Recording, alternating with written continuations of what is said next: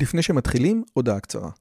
אם אתם אוהבים את הפודקאסט הזה, אתם כנראה אנשים ממש מיוחדים ומרתקים. אז אם בא לכם לפגוש עוד אנשים כמותכם, וגם אותי, וגם את רלי, אנחנו עושים מפגש עוקבים שלישי. ביום חמישי, בתאריך ה-9 למאי 24, בין השעות 7.5 ל-11.5, אנחנו הולכים לקיים מפגש עוקבים שלישי בבית שלי בנופים בשומרון. מה בתוכנית? מינגלין וכיבוד עם עוד עוקבים מרתקים כמוכם, הרצאה שלי, דיון לגבי הערוץ, ציור בסטודיו ובסוף קומזיץ ופיתות על הסאג'. הרשמה מראש היא חובה וניתן לעשות את זה בקישור שבתיאור הערוץ או לחפש את הלינק ביוטיוב. נשמח מאוד מאוד לראות אתכם. ועכשיו, לשיחה. Next time your wife gets mad about you, you simply can show her the book when men behave badly, smile and say, honey, it's not me, it's evolution. Or just stop being a schmuck and behave properly. And the tension between those two advices is our topic today. Hi, and welcome to the show, The World of Roy Yosevich, where I host the most interesting and influential people from all around the world to discuss science, philosophy, religion, and artificial intelligence. If this is your first time here, please consider subscribing and hit the bell button. My guest today is Professor David M. Buss. Professor Buss is a professor of psychology at University of Texas, Austin. His primary research focus on strategies of human mating, particularly the dark side of human mating, including conflict between the sexes, jealousy, stalking, intimate partner violence, and murder. He is the author of the great textbook, Evolutionary Psychology, which is a great introduction to this fascinating topic. Uh, why women have sex, uh, uh, and even more, and most recent, when men behave badly. This is a book that encapsulates 30 years of research and three years of writing. So, David, how are you? It's great to have you on the show. Thank you. It's uh, it's a delight to be here chatting with you. Okay, it's my pleasure as well. So I would like to start with my introduction with like the two advices or drawing a line between evolutionary psychology and your latest book. So evolutionary psychology basically says that some of our behaviors can be derived or explained via evolutionary processes. But this fact alone doesn't provide the moral justification for such a behavior. For example, men want to as many sexual partners as they can, but as David Hume says, you one cannot derive out from an is, and this uh, evolutionary behavior doesn't mean that this is the optimal behavior. Am I right? Yes, uh, you're absolutely right about that. And this is one of the, uh, it's a very pervasive confusion that people make between uh, explaining a pattern of human behavior and morally justifying it. And, and is does not equate to ought. Uh, now, um, you know, people, you know, commonly make this mistake. They think, well, if it's evolved, there's nothing we can do about it. It's, uh, you know, uh, but um, but these kinds of confusions and these moral justifications have been used historically, no matter what the causal origins are. So uh, this person couldn't help murdering his neighbor because he grew up in poverty, or he lived in a bad culture, or he had bad, bad parents, or uh, in some cases had bad genes. So, um, you know, I think we have to make a clear distinction between what exists and what ought to exist. And just by way of analogy, one illustration I use in the book is cancer. No one would say to a cancer researcher, oh, you're studying cancer, therefore you think cancer should exist and we want to spread cancer widely. No, uh, you know, we want to eradicate cancer. And so we want to understand the causes of cancer in order to eradicate it. And I make a similar argument in my book, When Men Behave Badly, that, that there are bad stuff, there are bad deeds that men do, and men have a monopoly on these bad deeds uh, when it comes to the sexual violence. Uh, and so we need to understand the causal origins the individual differences, the circumstances in which they're expressed in order to cure the problem. This is immensely important because, again, like you said, cancer is a part of the evolutionary process. although it is bad. And again, something that they are also part of the evolutionary process can be also regarded as bad in, in especially in the context of moral meaning. So let's start with uh, you use the word mating a lot, and you say that sex is only one part of mating. So what does mating encapsulate? Well, uh, mating is um, uh, the reason I use the term when I started studying it is because it, it encompasses much more than sex. So, um, the topics that I've studied include uh, what qualities do people desire in mates, what tactics do people use to attract mates, um, what, uh, what are the sources of conflict within relationships, how do people keep mates or guard mates, how do people get rid of bad mates? And so there's a long um, series of uh, actions, strategies, and behaviors that just the term sex doesn't do the trick. And so, uh, and so, in fact, most of what I've studied is not sexual behavior per se, uh, but everything around it. And as, as a sexually reproducing species, uh, this is, of course, critically important. I mean, the selection of a mate is probably the single most important decision a human can make in their entire lives. Uh, you know, it is the process by which uh, we transmit our genes to future generations. And so, uh, if we if we were asexual, uh, like some species are, life would be a lot simpler. But we are a sexually reproducing species, and so all those other things around sex leading up to sex and in the aftermath of sex are critical.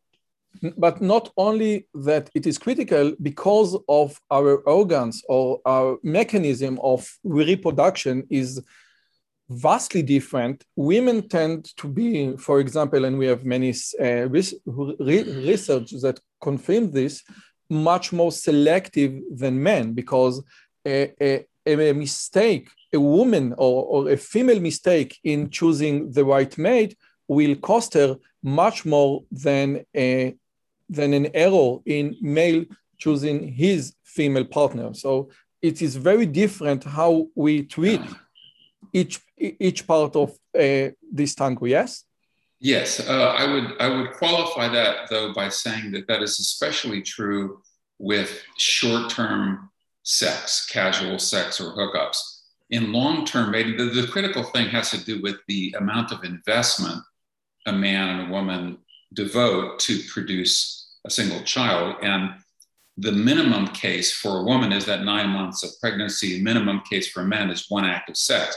Okay, but men typically do a lot more than the minimum. And so in long-term mating, both sexes are very, very selective about who they uh, who they mate with because men's uh, devotion of time, energy, resources, uh, and so forth are are just as valuable. And so um, men are very, very choosy when it comes to long-term mates, um, and women are as well. But when it comes to short-term casual sex, uh, women maintain high standards. Men Maybe kind of this is so important because we always always get this uh, Tinder statistics when men hit yes, I like like 47% of the time and women only 12. And you say yes, but bear in mind, many men use or utilize Tinder as a base for finding a one night stand.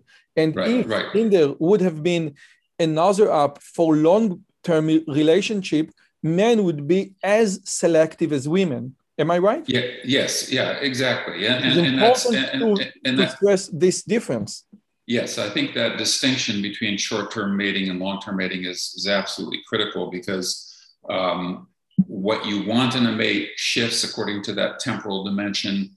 The tactics you use to attract mates differs, and, um, and, and, and exactly as you said, Tinder is primarily a hookup dating app. So there are other apps like Bumble, for example, or eHarmony, or that, that are more oriented toward long-term mating. Okay, now uh, let's start with the conflict because we, we, we need to speak about conflict. Now, you say that sexual conflict is the root for conflict between the sexes. So, so like the base, the base, the basic thing under underground is a sexual conflict. And you even say that even homicide is more often than not related to sex. Right? Why people kill other people is more often than not related to uh, uh, to the battle between the sexes. So maybe after all, Freud was right, and the most important fuel of our life is not meaning, as uh, as other psychologists said, uh, uh, but sex. Or if I put it differently, maybe what you do is to give the scientific foundation to Freud ideas. Well, uh, I, I, don't know. I mean, Freud was uh, a genius in some respects in highlighting the importance of sex, which has been ignored by many uh, psychological theorists. Uh, but he, and, and, in fact, he was very much influenced by Charles Darwin and his theory of evolution. And in fact, if you go back to Freud, his early formulation uh, was that there were uh, survival instincts and sexual instincts. And later, then he combined the two and so forth. And as his theory progressed, he started to depart from uh, a deep understanding of evolutionary theory. And so, and so I give Freud absolute credit for highlighting the importance of sex, but he didn't quite have it right. Uh, and so our modern understanding of the evolved psychology that has resulted from sexual selection is much, much more sophisticated than, uh, than it was in Freud's time. But even now, you say that sex is still a main factor in human behavior. As like I said, I quoted you, even homicide, when people. When, when a person decide to kill another person, it is more often than not is related somehow to uh, women or, or, or, a sex battle. Yes. Yeah, yeah, yeah, absolutely. And and so um, you know, th- there are obvious examples where a man might kill a mate poacher, as a, as I call them, someone an interloper who has sex with his wife. Um, and there are some cases where men kill their wives uh, or ex-wives who are who have committed infidelity or threatened to desert them. But there are many forms of homicide that are uh, the way I would phrase it is they're tributary to mating and sexuality. So, for example, men compete over status. You know, we evolved in small groups. All groups have status hierarchies. Position and status hierarchy is critical for mating success and for access to reproductively relevant resources in general. Uh, and so men fight and die and kill over, over status and reputation. Uh, and so you may think, well, that has nothing to do with mating, but of course it has everything to do with mating. Yeah, it, definitely. Because, uh, yeah, so so so you we have to look at not just those things that are sort of immediately related to sexual conflict, like an sexual infidelity, but also things that are tributary to things like status. I think that Steven Pinker in The Blank Slate said that there are much more men without children than women without children because the status hmm. rank is what enable men to spread the genes to the next generation. And women like stand in a barrier and say, listen, I don't want your gene to pass on. So this is one of the things. Now, one thing that I they, like, they, don't think this consciously, of course. Yeah, yeah, yeah, yeah, yeah, definitely, yeah, yeah. definitely, definitely, definitely, yeah, definitely. Now, they just they just like certain guys and don't like other guys. Yeah. okay, my hmm. wife does, but and but one thing that I love about uh, evolutionary psychology is that it explains many of the jokes, many of the science between or underneath the jokes. Now, there, there is a famous Seinfeld quote that women need a reason to have sex while men needs need a place. And uh, this is also part of, of this conflict. And you also wrote the book, Why Women Have Sex. So my question is regarding to this conflict that men or male wants more uh, uh, males want more sex than females. And you can see it every time you go to and visit the zoo that the males are much more uh, passionate about this uh, activity. Yeah. how does this conflict manifest in other animals or, or what is the meaning or the ramifications of this conflict in human behavior well, okay. Well, first of all, every animal species has its own mating system. And so there's nothing that is really quite like human mating systems. Uh, but this sexual conflict, I, I, I, argue in, in, in my new book, uh, When Men Behave Badly, that this desire, this sex difference in uh, desire for sexual variety is one of the root causes of sexual conflict because it leads men to infidelity, for example. And uh, another quote you mentioned, uh, the Seinfeld, which is a great source of information about human nature. Uh, but uh, but there's a comedian. Uh, I'm not sure if you're familiar with him, Chris Rock, who said, "Yeah, men, men, men, are only as faithful as their opportunities." and now now that's an exaggeration, okay? But but men are vulnerable or susceptible to uh, opportunistic, low cost, low investment sex. Uh, and so and so this is a source of sexual conflict. Obviously, it will disrupt the um, the pair bond that a man and a woman have. Uh, but also, it leads men to do all kinds of things in order to satisfy that desire for sexual variety, such as deceiving women, such as coercing women, such as sexually harassing women, topics that I get into in some detail in the book. Yes, and we will get to that later on in our conversation. But there is another uh, side to this coin, and the side that there, there is an old saying from the Jewish Talmud that even if a woman is in a marriage relationship, she still seeks for new potential mates. Now, you and Duntley actually confirmed this ancient wisdom in your like backup mate. So it seems that backup mate, backup mate is like the female version of infidelity. Am I right? And could you please elaborate on what backup mate is? Yeah. Oh, so I, yeah, I have a section in the book on backup mates, and this is one of the things that I think will be disturbing to men who are listening to your podcast that, and haven't learned the Jewish Talmud. and haven't learned the Jewish Talmud, but that, that women, even if they're in happy relationships, still cultivate backup potential mates. What I call mate insurance. So just like um, you have car insurance, house insurance, something can always go wrong. It is uh, crazy. Uh, I read it and I just it it blew my mind. yeah. So, but I mean, you think uh, uh ancestral humans in modern humans, something could always go wrong. So your mate could die, uh, your mate could get injured, your mate could not come back from a war uh, or get seriously injured in a, in a fight with other males, uh, or your mate could dump you. Uh, and so people who failed to cultivate backup mates um, would have had to start the mating process from square one. And so I argue that this backup mate psychology is a critical aspect, uh, especially important for women.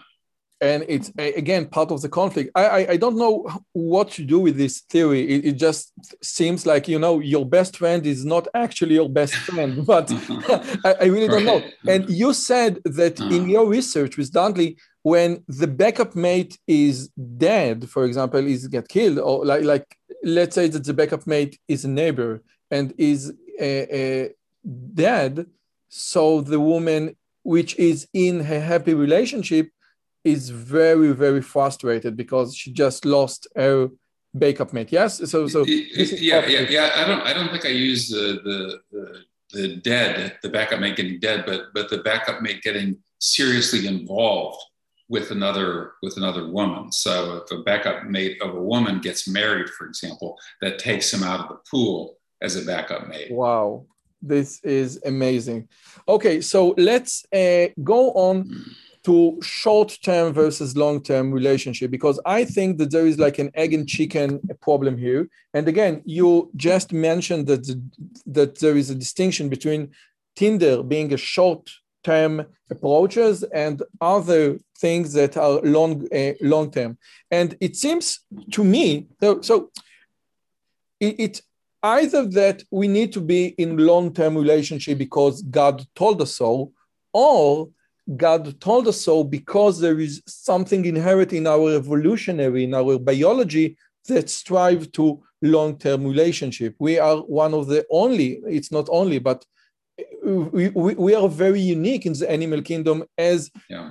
preserving a long-term relationship. So what are the evolutionaries, the biology sources of this strategy of long-term relationships? Well, well, so they're they're they're fairly clear from a female perspective, from a woman's perspective, in that long-term mating. Uh, she has a partner who will provide, who will protect uh, over the long term, uh, both her and her children. The puzzle is why men would ever commit to it. Uh, and in my in my book Evolutionary Psychology, my textbook that you kindly mentioned, I talk about seven different evolutionary causes of long-term committed mating from a male perspective. So there are things like um, increased in uh, assurance of paternity, that he is the actual father um, uh, of the child, and that occurs in long-term mating. There's no guarantee in short-term mating. Of course, there's no absolute guarantee in long-term mating, but it's an increased probability that the man is the father. Uh, protection of the children, increased survival of the children, um, etc. So, uh, so yeah, you're absolutely right. So it is estimated that only somewhere between three and five percent of all mammals, of which we are one, have anything resembling a long-term mating strategy. But humans clearly do. We have adaptations for pair bonding, for attachment, for falling in love, for committing to one person over the long term. And it seems that we're just eliminating the alpha male concept and just uh, throughout Christianity, even throughout, you know, the hunter gatherer, the tribal or organizations. We just like it seems like like even ancient religion religions just uh, make sure that every man gets to be with at least one woman so it won't uh, so so he won't be so much frustrated because we don't have these alpha male approaches in uh, in human societies well, well, but we still do to some degree. So uh, even in presumptively monogamous cultures where men are limited to one wife, they sometimes engage in serial mating. So have mating, breakup, divorce, remating, uh, and then of course uh, infidelity. Uh, so so men are, are more prone to infidelity uh, than than women, and so yeah, there is a there is a kind of a um, reproductive leveling of the playing field with humans, but it's still the case, as you pointed out earlier, that in every generation, uh, a smaller subset of males reproduces compared to a larger subset of females. Most fertile females end up reproducing. And we know this from the molecular genetic evidence that you, we, we, we can see that. And, uh, and it occurs throughout the world and is still occurring in, in the current generation. And again, but, but, but this, I think, proves that women at the final mm. stage do more, uh, do tend to be more selective than men because they don't want to breed with every man. They are more selective, even in the long-term relationship. No. Well, well, uh, I, guess I would still take issue with that. So they are selective with respect to the man's status, his resources, and his commitment to her. And so this is creating a big problem in the modern world that I call the a mating crisis among educated women because more women than men are getting college and very university. hard to find someone which is in a higher status than you if you are like the ceo if you are very very talented very very smart who can you find that which is smarter wealthier than you? Right. Well what women want is is equal or above them in education intelligence status and resources. Uh, and so it's that mate preference for those qualities combined with the fact that there are fewer and fewer men in, now, uh, wasn't true in the past, that have those qualities that women desire. So oh. that's what's caused. That's what's causing the mating crisis. Okay, so I, I, just wanted to move to to the status question, but one more thing because we just mentioned, you know, the difference between uh, humans and the uh, other animals. And now there is a famous song from the 90s goes like this You and me, baby, are nothing but mammals. So let's do it like they do on the Discovery Channel. I, I guess that you are familiar with the song. Now, it, now uh. it, it is right that humans and chimps are both very sophisticated mammals, but it seems that there is a huge difference between our sex lives. uh, Roger Scruton speaks of almost a transcendental aspect of human sex life. So, are we that different uh, in the context of sex life than uh, uh, other mammals? Yeah, a- absolutely. So, uh, if you compare humans to our closest primate relative, which is the chimpanzee, with whom we share more than 98% of our DNA, mating systems are entirely different. So, in the chimps, uh, most of the mating occurs when the female comes into estrus or, or heat, and, and it tends to be the dominant or alpha males who mate with her during that time. After that, they basically go their own separate ways. They don't have anything resembling a long term mating strategy, uh, but humans do.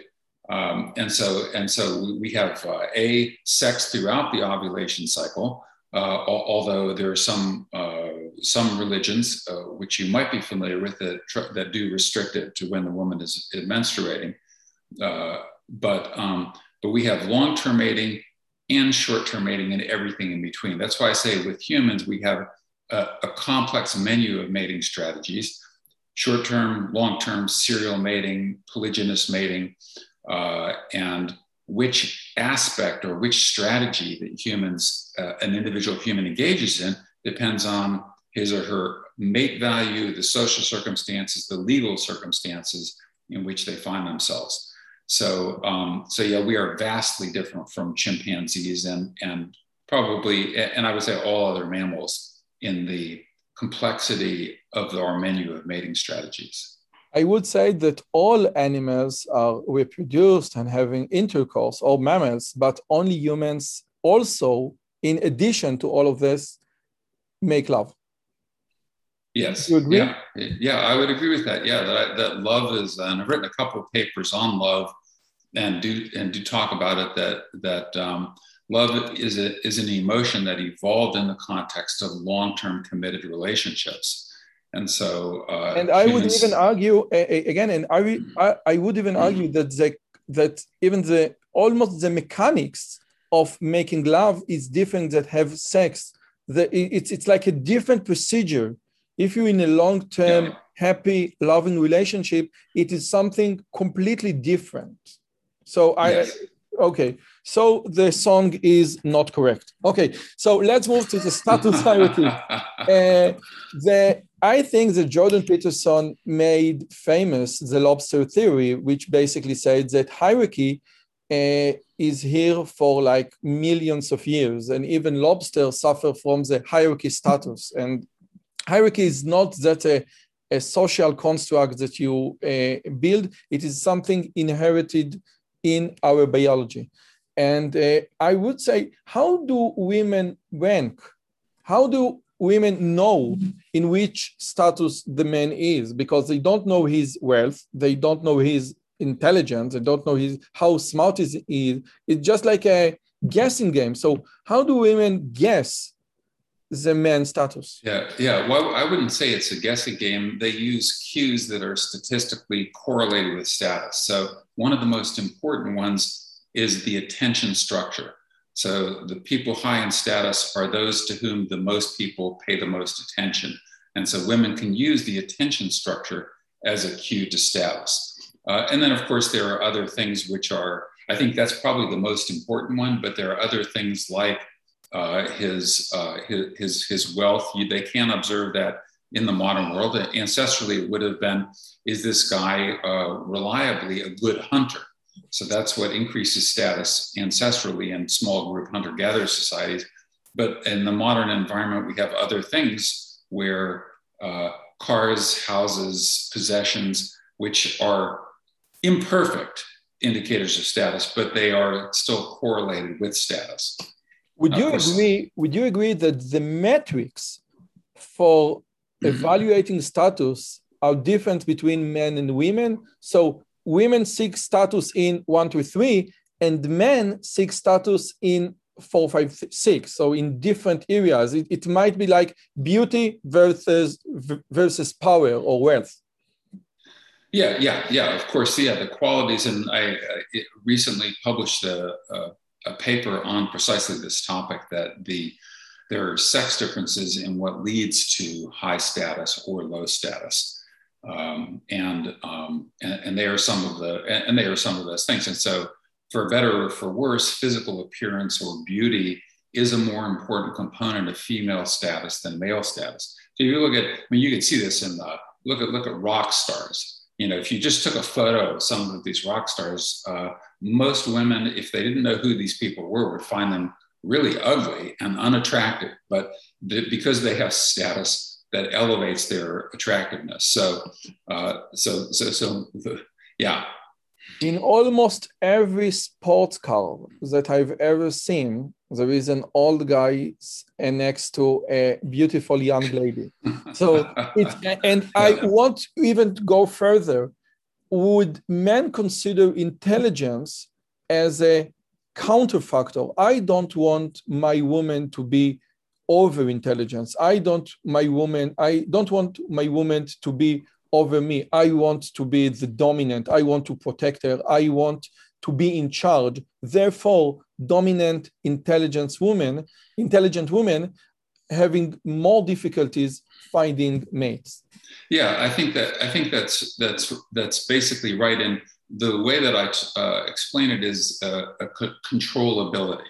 So intelligent women are less easily controllable, they're less easily manipulable by men. And so part of what, I mean, men have evolved to be attracted to women who are high in fertility, but also women who they can control uh, to, to some degree. And, and women who are more intelligent than them are, are going to outthink them and they're going to be less controllable because no, that's not that's not not necessarily admirable, no, but it's just part of our mating psychology. It it seems like every page of your book screams out that you know the modern feminist theories about everything is equal and everything is social construct are just don't are, are not true.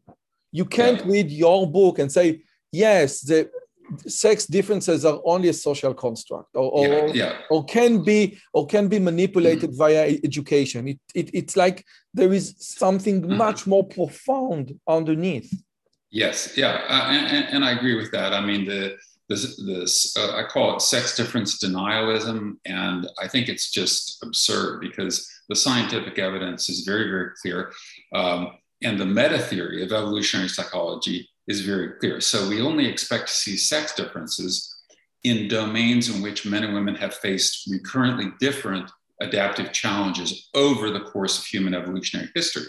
In many domains, uh, the sexes are very similar to each other. But as it turns out, in the mating domain, in the sexuality domain, the problems and challenges that men and women have faced have been profoundly different. And so we have evolved fundamentally different mating and sexual psychologies. And so to pretend otherwise is just, um, in my view, um, uh, naive. It's like the inherent conflict. So I, I always stated that that a platonic uh, relationships like are like a, there is a saying in Israel that a platonic relationship are like BDSM. Although the two sides agree upon it, it might be okay, but it's still something uh, something weird. So, so there is no way of a platonic relationship because there is an inherent tension. And from there, I would like to move on to the dark side of your book. Now, in 1975, Susan Brownmiller stated that rape is a conscious process of intimidation by which all men keep all women in state of fear. Again, all men keep all women in state of fear. And we hear this from extreme feminists that all men are all men are potentially ra- rapists. Now, this is an outrageous uh, claim, but we hear it occasionally, more often than not. Now, and my question to you is which men, under which circumstances, engage in which form of sexual violence? Yeah, so that's a good question. And so uh, just on Susan Brownmiller, um, I think she was uh, important in highlighting the importance of rape in warfare because rape is a very common occurrence in, in warfare. However, the notion that all men are, are rapists or would be rapists under the right circumstances, I think is fundamentally wrong. And one of the things I do in my book is highlight uh, the answer to your question, which is what is the subset of men who are most likely to engage in rape or sexual assault or sexual harassment. And it's uh, the dark triad personality traits combined with a short term mating strategy. So, dark triad is uh, narcissism, Machiavellianism, and psychopathy, where narcissism, uh, these are people who are uh, of a grandiose sense of self. They, they believe that they are God's gift to women. They they exaggerate or believe that they're more attractive, more intelligent, more successful than they really are. Uh, and, and importantly, they feel a sense of entitlement, and that extends to sexual entitlement. Uh, Machiavellianism is basically, uh, as I'm sure all your listeners know, is coined from the, uh, the Italian advisor to a prince uh, called, uh, his name is Machiavelli. and um, and basically, that is people who tend to pursue an exploitative social strategy. See, there's the liars, the cheaters, and so forth. And then the hallmark of psychopathy is lack of empathy. Uh, so most humans have an empathy circuit where we feel uh, when someone is harmed or a pet, an animal, a, a, child, we feel a sense of deep compassion for the hurt that they experience. Psychopaths don't. It's like their empathy circuit is absent. And so you take this dark triad traits, narcissism, Machiavellianism, and psychopathy, and you combine it with a dispositional pursuit of a short-term mating strategy. These that's this is, is the, which circumstances because we you just answer which men like the dark triad. Right. Now you uh, now you're going to answer which circumstances like the in the per, per, in the pursuit of short-term relationship. Yes. Yes, in the pursuit of short term relationships and um, when men in are, are, in a position of power and can get, get away with it. And this is, it's actually a, a point where uh, I uh, disagree profoundly with some of my evolutionary psychology colleagues who I respect greatly, where who argue that it's uh, loser males who are most likely to commit sexual assault uh, and I argue the evidence is actually the opposite. It's men who are in a position to get away with it uh, who are most likely to commit sexual assault. And so the, the, the newspaper cases, the prominent cases, the Harvey Weinstein, Bill Cosby, Jeffrey Epstein, I'm sure these have made news in Israel as well, I, I assume. Uh, By the way, we have our own Jeffrey Epstein. is, that, is that right? Is that, who, who is that? Uh, no, like people in Israel, we have like a, like a famous actor. We just got uh, sentenced for 11 months in jail, and uh, hmm. the late uh, we had the president, a president uh, Moshe Katsav, which was convicted hmm. for five years in prison. So it uh, it's like you know the Me Too environment. beside doing,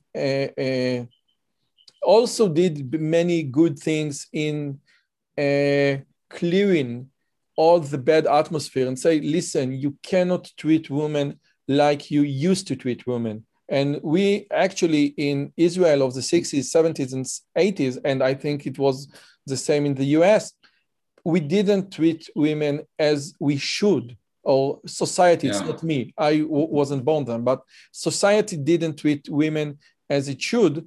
And I, I'm not saying that society now treats women perfectly, but uh, it was a very, uh, very important procedure or very important phase that we as a society need to uh, pass. Okay, so now you you answered which men under under which circumstances, but you still didn't answer which form of sexual violence. Is it only rape or stalking or other forms? Yeah, well, well, it's it's primarily forms of what I call sexual coercion which is a broader term that encompasses sexual harassment, uh, unwanted, everything from unwanted sexual attention through sexual harassment through sexual assault. And so that subset of men, dark triad and short term mating strategy, they engage in all those things. They also engage in um, attempts at, at honest courtship, seduction, deception, and so forth. So th- these men are often very successful at uh, in in the mating game, but they use sexual coercion when these other modes don't work. Uh, and so and so it's not the it, it's typically not the loser males, uh, but rather the guys who can get away with it. that have these personality traits and mating strategies that are most likely to do it. Okay. Now, another thing that you uh, write in your book, and let me just quote after reviewing voluminous data, I will argue that there is no compelling evidence that humans have evolved specialized rape adaptations. And indeed, some evidence flatly refutes specific rape adaptation hypothesis. So, what is the rape ad adaptation hypothesis? Hy no, it is hard for me to say. Okay, but hypothesis. hypothesis yeah. thank you so much. And thank you. I'm sorry. and why is it false? Uh, well, so um, the, the, rape adaptation hypothesis this has been most um, heavily advanced by Randy Thornhill, who's a very uh, respectable and intelligent evolutionary biologist.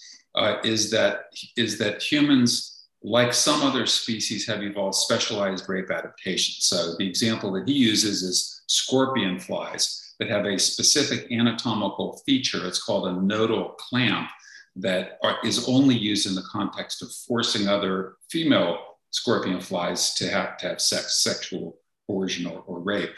Um, humans obviously don't have anything like that. We don't have any anatomical features for that. And so it rests with the, the underlying psychology. Do men have specialized design features that have evolved specifically to rape females. And it, it's a perfectly legitimate hypothesis, but I argue that there's currently no evidence for that. That is, for example, we know that men uh, uh, desire sexual variety. We know that men use aggression, but aggression is not rape specific. Men use aggression to uh, steal, to mug other men, to go to war, etc uh, and, and, sometimes use use physical aggression in the service of their sexual goals. But that's not a rape specific adaptation. It's a strategy that men use in a wide variety of contexts. So uh, it's possible that at some point in the future, uh, there will be evidence for specific rape adaptations uh, in the human case, but it, we are far from that at the current point. Now, uh, let me suggest something different. And i won't use the word hypothesis because uh, uh, apparently i can i cannot say it. Okay. Now in the area of me too the most sell, sold book uh, is 50 shades of gray and 50 shades of gray basically said listen the relationship or like the basic structure or the the the architect structure of man female relationship is not between equals. There is like a dominant thing, one dominant the other. And we have also philosophers who also, also mentioned that, like Friedrich Nietzsche and other. So we might say, uh, it's, I'm just asking a question that we are built because the relationship are not between equal to be more aggressive, more dominant, like in Fifty Shades of Grey. And maybe, just maybe, rape is take this kind of behavior to the extreme. Well, well, I, I, I, would say that you have we have to make distinctions here. So on the Fifty Shades of Grey, uh, so when most people think of the term rape, they think of a an ugly, drooling stranger jumping out of a dark alley and attacking a woman. Uh, this is not something that women are attracted to at all. Uh, so the Fifty Shades of Grey is very similar to the Harlequin romance novels, a very popular genre of females, where what they they're attracted to guys who are successful, handsome, uh, well respected by everyone, and in the case of Fifty Shades of Grey and these others, men who can have sexual access to any woman they want, but find themselves uniquely attracted to a specific woman.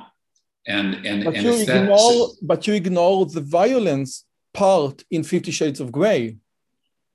It's not well, just what you just said is completely yeah. true, but we have another yeah. aspect in mm. Fifty Shades of Grey, which is like the BDSM stuff. Okay, well, uh, I, I confess I haven't read read it in detail. No, no, I, it's I, like you know, like yeah. forcing, like like you know, it, it's it's part of it's a it's an act of violence over there. It's not violence. It's like an accepted violence. Both both sides Right, right. agree. Okay, so but that's the key point, though, is so it's consensual. Consensual, yes. Okay, Yeah, yeah. So so that is the the woman is agreeing Im, implicitly or explicitly that she is consenting to this uh, agreement. And my understanding is that in Fifty Shades of Grey, the woman actually signs a contract to to that effect, and so that's different from the dark, ugly, drooling, Definitely, unsuccessful. definitely, string. definitely. Yeah, But I'm so- just asking, maybe uh, this this is derived from the same thing. Uh, again, I, I'm I'm asking a question. You are the expert. Yeah. So, so but, but what what theme are, are you hi- trying to highlight here? I Is- think that like there there there there is a mm. claim that rape has nothing to do with sex. Rape is like a different thing. It, it has nothing to do with sex. And many Right, well, and and many people say no, like stealing has something with money and other bad behavior. But if you separate, could you separate rape mm. from sex? So Well, isn't well, so- rape Yeah. yeah, yes. Isn't rape like a bad mean, a, a, a- horrible mean for sex? Or rape is completely different thing that stems from different uh, uh, uh, parts of the human soul. So, so the uh, I I think a distinction has to be made, and I do in in my book between the sexual psychology of the male and the the victim of, of rape. And so, to say from the sexual psychology of the male that rape has nothing to do with sex, of course, is is absurd. Uh, and you, you interviews with rapists, they they will tell you, except if they're coached by uh, you know, uh, ideologues, they, they will say, yeah, I wanted to have sex with this woman. That's why I, I did it. But from the victim's perspective, it's not sex because many or a lot of women conceptualize sex as in the context of a, an intimate relationship, a committed relationship. Uh, and so, and so from a female perspective, it is an act of violence. Uh, and from a male perspective, it is an act of, of sex, and the violence is a means to get the sex. Uh, and so I think we have to separate out the, uh, the perpetrators and the victim's sexual psychology in addressing that question. And, and, and so, you know, we, we and, and, um, and get past the, the ideology. The other important point, I think, on this issue is that uh, people think that human behavior is motivated by one thing. They want to trace it to one motive. Well, it's often not one motive. I mean, there can be uh, motives for sex, motives for power, and these often intermingle. Okay, now it's again, it's important to state upfront that those behaviors are horrible, and we as society want to eliminate them Yeah. completely. But again, just like you said that we uh, uh, we are do cancer research, this research is extremely important just just for the sake of understanding those bad behaviors and eliminate them uh, hopefully completely from our society. So it's It- very it- it- important to state upfront. Yeah, exactly, and that's what I hope. Um, I, that's why I wrote the book is because I want to uh, eliminate bad behavior. I want to eliminate sexual violence, bypassing the female choice, which uh, uh, sexual violence is fundamentally involved in. Uh, and we can't eliminate it without understanding the causes and which men are doing it and the circumstances in which men are doing it. By the way, your book is devoted or uh, for everyone who has suffered from sexual conflict. So it, it's very powerful thing. Now let's move on. We have like nine more minutes. So I, I want to move on to the, like the most, the hardest questions. Would you think that Oh, evolutionary? yeah, I thought these were pretty hard questions. Uh, no, no, no, no, no. We are just more. Now- okay, now we get to the hard ones. Yes. Would you think that evolutionary biology or evolutionary psychology leans toward any side of the political map, like progressivism versus conservatism, or is it mere fact and can be interpreted in, in- interpreted both ways? Now, I would argue that uh, evolutionary biology or evolutionary psychology lean towards more towards the conservative conservatism uh, side of the political No, map. What I, I, dis- I disagree with that, but I have to take one one break for one second, please. Just one. Yes, uh, yeah, I disagree. I, I, I think that um, evolutionary psychology is really neutral with respect to political orientation. Uh, and there, there are studies uh, that have looked at the political orientation of evolutionary psychologists as opposed to uh, standard social scientists who are not evolutionary, and there's really no difference. You, you find the whole spectrum uh, from liberal to conservative.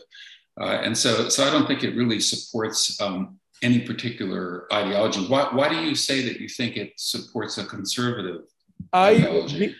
I, I say that I, I think that sex conflict de, uh, the denialism, like you said, is part of the progressive approach. And since your book highly or, or, or specifically refute those hypotheses, therefore mm. it cannot be leaned toward the progressive side because I think, or I, uh, I think that the progressive side of the political map, or like the extreme progressive, cannot stand the fact that there are like inherent sex differences and that not everything is a social construct. Yeah, so in, in that respect, I, I would agree with you. Uh, but there are also, and, and, I don't know how it is in Israel, but on, in, in America, uh, those who are on the, the right, the political right, the conservative end, are, are often very uh, deeply religious and they reject evolutionary theory period. And so they they they, no, they yeah, yeah, no, no, uh, okay, no, no, no. So I'm not talking about this. I'm talking about um, that the extreme progressivism that cannot cope with the evolutionary psychology uh, evidence or or ideas or what you just said. Listen, men and women just behave differently in yeah. every almost every aspect. And the last question that I would like to ask there it seems like there is an evolutionary of sexual morality because the natural state is not like Rousseau says, but like Hobbes is violence. Okay, from there we progress more and more to more regulation, less violence from tribalism and religion. Religion provide many sex restriction, female modesty, male self-sex discipline, and the climax of those regulation is in the Victorian era. And from there we get downhill less and less sex regulation, all the way to what we are seeing right now that almost no sex regulation whatsoever. And uh, sex out of wedlock is, is, is like an option. And my question is if we uh, eliminate almost all regulations, aren't we go back to the natural state? And by that, we we just enforce violence on the system. So not now, but if we just don't make any sex regulation whatsoever, we, wouldn't it be that in four, five, ten years, we will see an increase in sex violence? Yeah, I, I think I think not. So yes, uh, their uh, morals surrounding things like extramarital sex, of course, have changed dramatically over the last couple of decades. But there are also things like sexual harassment, where in universities and in businesses and in legal systems, we have now laws and policies against that form of sexual violence. And so, and so, yes, there's been a, uh, uh, a, a, liberalization of attitudes towards sexuality, but a movement to regulate sexuality in, for example, in the workplace. Uh, and so, and so, I don't think we'll ever get to the point of uh, that there will be more sexual violence. In fact, the trajectory is less sexual violence. And I think attention to these issues is absolutely is absolutely critical. The causes of sex differences, and I agree with your point about sex difference denialism, uh, is just silly from a scientific point of view at this point.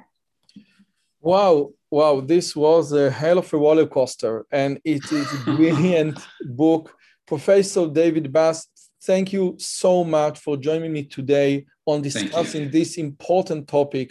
Your books are fascinating and just, you know, like you just have a giant lamp and you just show reality in a different light, in different aspects. So it's fascinating. Thank you so much for your time. And please keep on the important work that you do at the University of Texas. Thank you, thank you, thank you. Thank you. Uh, and thank you for such an interesting and intelligent conversation about these topics, which are very sensitive. Yeah, even for a religious Jew like me. yes. okay, thank you so much, David. Okay, thank you. ביי. אם הגעתם עד לכאן, מגיע לכם כל הכבוד. אז תנו לי להגיד לכם שלושה דברים קצרים. הדבר הראשון, אם שמעתם משהו בשיחה שמעניין אתכם, שאתם רוצים לקחת הלאה, פשוט ספרו אותו לאנשים אחרים. משהו מעניין שאני אמרתי, משהו מעניין שהאורח שלי אמר, איזשהו רעיון שאתם רוצים לקחת איתכם לחיים, פשוט ספרו אותו לחבר או לחברה. זאת הדרך הטובה ביותר לזכור את הרעיונות מתוך השיחות האלה.